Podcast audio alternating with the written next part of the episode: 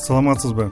Эгерде сизде акыйкатсыздык адам укуктары бузулган учурлар мыйзамсыздык тууралуу сунуш пикирлериңиз болсо жөнөтүңүз азаттыктын whatsapp жана telegram номери нөл беш жүз элүү тогуз жүз сексен сегиз жети жүз элүү беш. Азаттыкка жети өгүз районунан каныбек иманалиев кайрылат. Ал сароо айылында эки миң он экинчи жылы жер сатып алып кийинчерээк алган жерин ченеткенде бир жарым гектардан ашуун аянт аз чыккан айыл өкмөттүн адистери менен тактаганда анын жери кошуна турган башка адамдын жерине кошулуп кеткени аныкталган угарманыбыз бир нече жылдан бери салыгын төлөп жүргөн бирок чындыгында башка адамдын карамагында өтүп кеткен жер аянтын кайтара албай убара тартып келатканын айтат. Арыз жазам барып тактап бергиле жеримди чыгарып бергиле деп убактагы арыздатты да тияктан элечи жок болуп кетиптир. Акимге кирдик да биз арыз менен кайрылдык ушундай зам аким неме кылып берсе деле эки жылдан бери чечпей атат десек анда мен өз көзөмөлүмө алам деди да зам аким а биз болсо тиги чечип берем деген үчүн мына алып берем деген үчүн күзүндө да үрөөн алганбыз. Азыр үрөөн берип атат да. Өкмөт кайра жазында да үрөөн алганбыз да. Тиги киши чечип берем мына алып берем жер адис чечип берем дегенден кайтбек деген жер адис үрөөн алганбыз эмне кылабыз десек эми күзгүгө чейин чоюп атышат да. Күзүндө тактап анан берели дейт азыр эле кесип деген да. Мурунку жер адисчи экөө бири бирине шылтап атат. Экөөнү тең жибериңиз десем макул деген экөөнү тең жиберген. Айыл өкмөтчү бирөөнү үйдө турат да себилбей калды да анткени тигилер кайра себеп таштады да. Күзүндөгү да турат жазындагы да турат. Тиги жер адиске алып келип үйгө чейин көргөздүм. Э момундай болуп атат. Мен сага ишенип үрөөн алдым эле десем эч кимдин башы оорубайт да. Анан булар мен ойлоп атам сүйлөшүп алып эле эми он жылдан бери жүргөн эме жүрө берет деп эле тигилер менен келишип алышып неме кылып атабы деп атам да. Мындай деп атат да мына жериң чыкпадыбы эми жпс менен өлчөтөлү дейт да. Ал эми мен жпс менен өлчөткөнгө да акча төлөшүм керек да. Эми өзүбүз барып метр менен өлчөсөк дагы ошого дагы неме болбой эми жпс менен өлчөт деп атат да. Мен келишип тынчтык жол менен эле сүйлөшүп алалы десек ага кийин өлчөп беребиз дейт да. Ээсин да издеп барып таптык жердинчи жердин ээсин барып неметсек биз билбептирбиз эми эгерде ашык болсо анда алыңыз деп атат да жпс менен өлчөйлү дейт да так болот деп.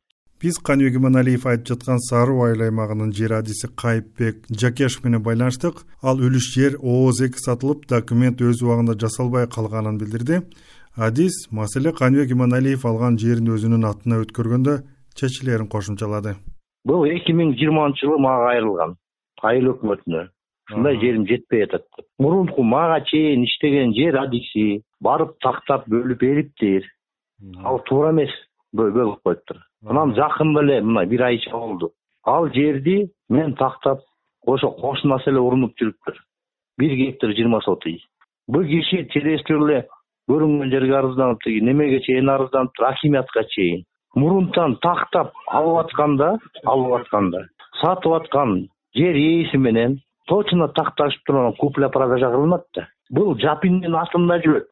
А каныбек деген эме сейчас никто. Анын купля продажасы эчтекеси жок. Бул жерди жапинов башка бирөөнө сатат. Ал деген анан бул каныбекке сатып атпайбы. Экинчи үчүнчү адам а тигил адам дагы тигини жерден эле китебин алат дагы купля продажа оформлять этпей туруп буга сатат. Көрдүңөрбү юридический. Эми бул каныбек деген киши оформлять этиш керек. Жакинди таап туруп купля продажа оформлять этиш керек. Аны деген биз акты түзүп жерин тактап бердик. Бергенден кийин ал актыда жазылган да ошол актынын негизинде гос регистрге кадастр кызматына кайрылат. Жпс менен атылат. Ар бир жердин сантиметр миллиметр менен өйдө координаттары түзүлөт. Мен ошондой түшүндүрүп айткам сиз кимди сотко бергенсиз тиги урунуп жүргөндүбү а сиз деген сатып алып атканда жерди тактап алышыңыз керек да. Сиз угуп жаткан азаттык радиосу эфирде эл үнү берүүсү микрофондо сабыр абдымомунов бишкек шаарынан аскат дүйшөбаев он экинчи кичи районундагы алтымыш төрт дробь бир номерлүү дарегиндеги курулушу бүтпөй турган үйдүн жашоочуларынын атынан коомчулукка кайрылат. Ал он эки кабаттуу сексен алты батирлүү жаңы үйдү куруп жаткан тст сервис строй курулуш компаниясы келишимди бузуп үйдүн курулушун аягына чыгарбай токтотуп койгонун айтат. Мындай жагдай батирлердин бүтүрүп жашап жаткан элүүдөн ашуун үй бүлө үчүн бир топ ыңгайсыздыктарды жаратууда дейт угарман. Биз аларды аябай мактап жактап сонун комфорт плюс үйдөгү болот деп сатышкан да эки миң жыйырма бир алгам мен. Августабы сентябрда алсам керек. Анан кийин мына буюрса баштайбыз бүтөбүз деп алдап сатышкан бизге менин договорум боюнча эки миң жыйырма биринчи жылы аягында бүтмөк кыш келгенден кийин карасам эми баягы суукта кичине кыймылдабайт окшойт күтө туралы дедим жазга чейин күттүк. Директордун фамилиясы дүйшөналиева бактыгүл э, анын жолдошу жуматаев таалай деген.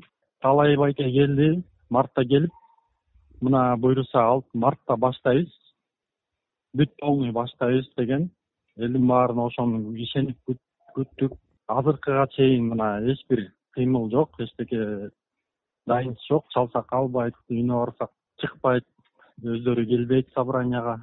Эми баягы биз деле эми адамбыз анан кийин баягы эми бул килейген үй салып аткандан кийин может бир беш алты айга созулуп кетеби жазга чейин күтөлү деп эметтик жакшы эле күттүк. Мына азыр жай болду эки миң жыйырма эки. Дагы эле эчтеке кыймылдабайт он эки этажный үй өзү салынган картаңдары бар. Балалуулар кыйналып жатат.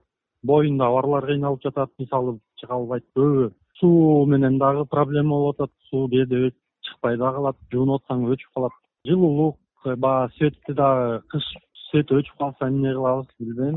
Азыр өткөндө дагы бир күн кечке жок болду кээде кээде өчүп турат да ошо. Газ жок эчтекеси жок эчтекеси даже счетчик да коюлган эмес. Ичинде подъездде эчтеке штукатурка кат кара боюнча эле турат. Даже кечинде даже свети дагы жок. Кечинде коркосуң түшүп кетесиң депчи. Эки балам бар беш жашта анан үч жашта. Эми алар коркот келгенде артага коркуп атабыз чыга албайбыз деп лифтовый шахталары проемный шахталары ачык бүт баары пожарный выходы ачык. Сырты жарым жартылай бүткөн эптеп септеп электрощиттери бүт проводдору ачык. Провод трубалары баары ачык.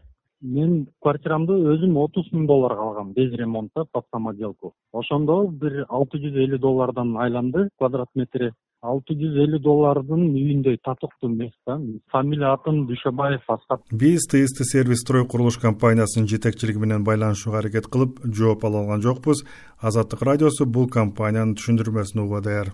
Белгилеп кетсек бишкектин он экинчи кичи районунун алтымыш төрт дроп бир дарегинде курулган он эки кабаттуу турак үйдү тст сервис строй курулуш компаниясы кардарлар менен түзгөн келишиминде эки миң жыйырманчы жылы бүтүрүп берүү милдетин алган айрым кардарларга компания ээлери курулуш толугу менен эки миң жыйырма биринчи жылы жай айларында бүтөт деп ишендирген учурда сексен алты батирлүү үйдүн сырткы жасалгасы электр суу жеткирүү жарым жартылай бүткөн лифт куруу подъезддердин жасалгасы баштала элек